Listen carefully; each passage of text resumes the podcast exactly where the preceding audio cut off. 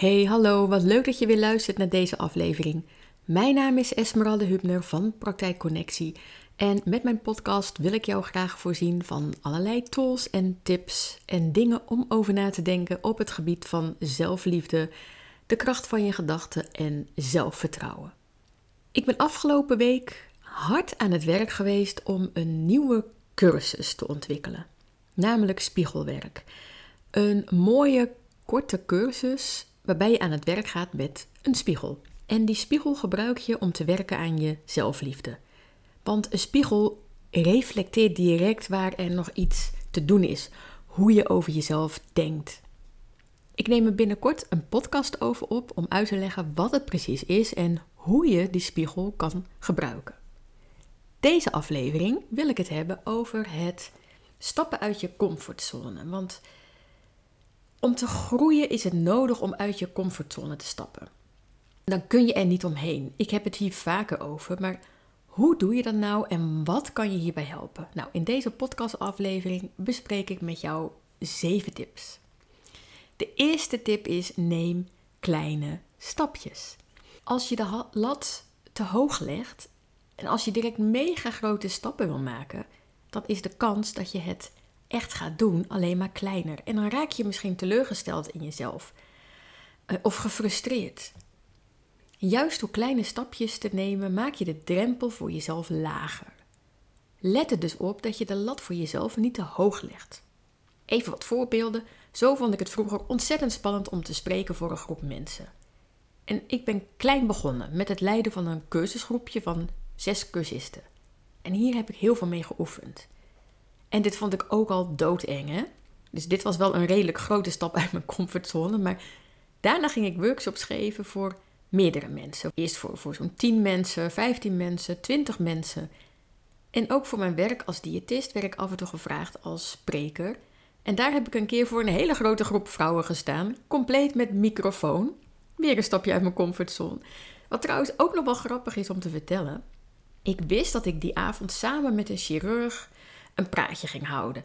En hij zou zijn praatje voor mij houden, want hij moest ook weer vroeg weg. En ik vond het echt heel spannend, omdat hij een arts is, dus hij kon goed voor groepen, praten, dacht ik. Ik had zo'n beeld bij hem, is vast zo'n oudere man die al duizend praatjes heeft gehouden. Nou, en toen ik die beste man zag, was mijn onzekerheid direct over.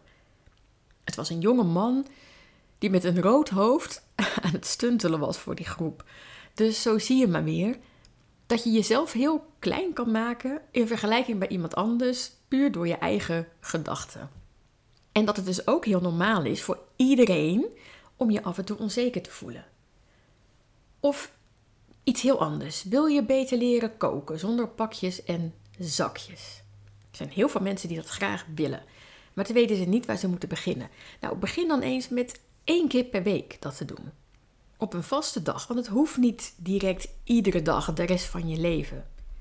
Of misschien weer leren om makkelijker een praatje te maken met iemand.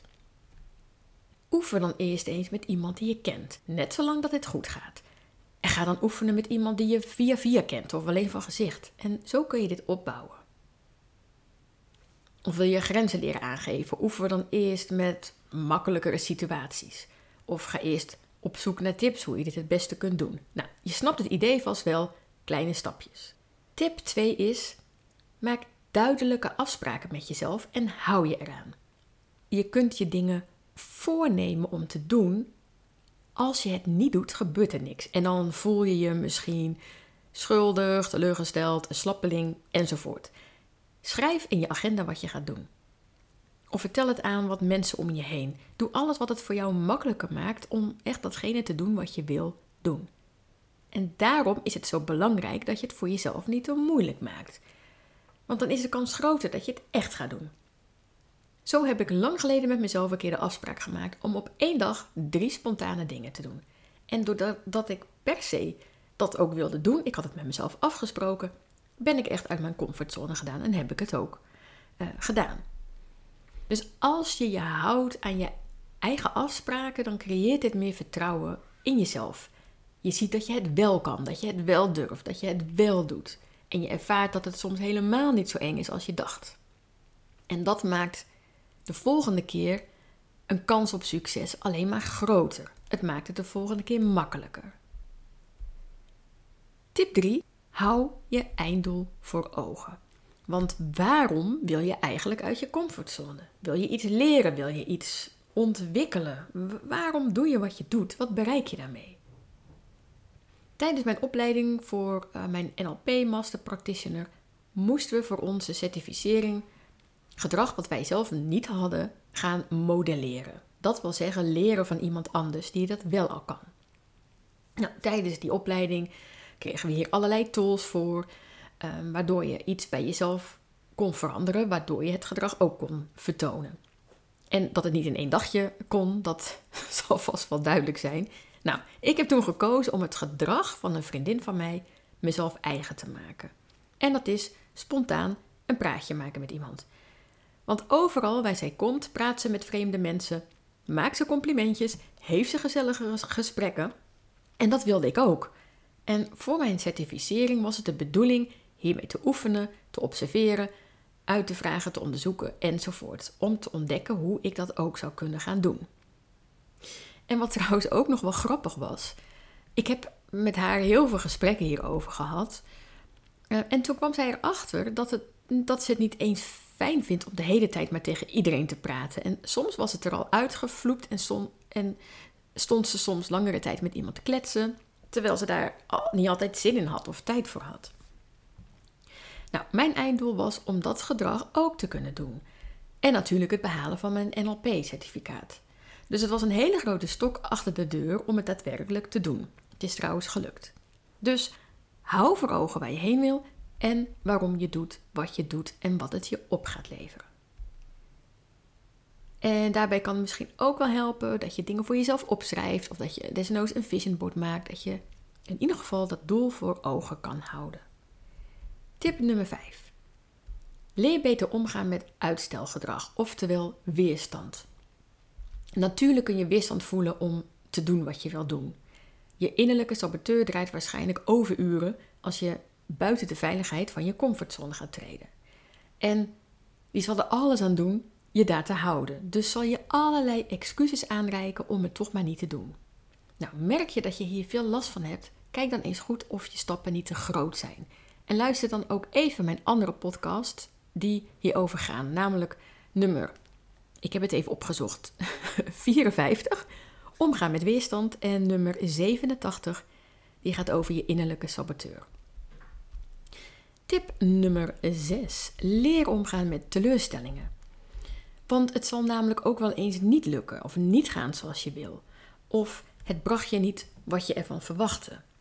Misschien was die presentatie of dat praatje een drama of reageerde iemand heel raar op jouw poging tot een spontaan praatje. Kreeg je toch een angstaanval in de auto toen je de snelweg opreed. Of werd je afgewezen toen je eindelijk die sollicitatiebrief durfde te sturen. Maar dat hoort bij het leven. Niet alles lukt, is een succes en gaat zoals je wil. Dus wees trots op jezelf dat je het in ieder geval hebt gedaan. En evalueer wat je de volgende keer anders zou kunnen doen. Zie dit als een leermoment. En de laatste tip: vier je successen. Heb je het gedaan? Wees dan trots op jezelf, ook al was het een mini stapje.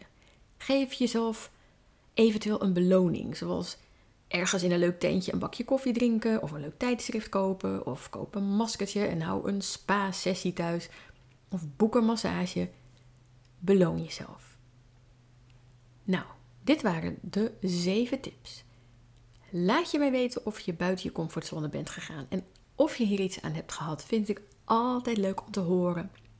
En deel het dan ook in je stories op social media. Daarmee help je mij ook enorm. Dus dank je wel alvast daarvoor. Ja, dat was hem weer. Ik wens jou een hele fijne dag toe. Doei!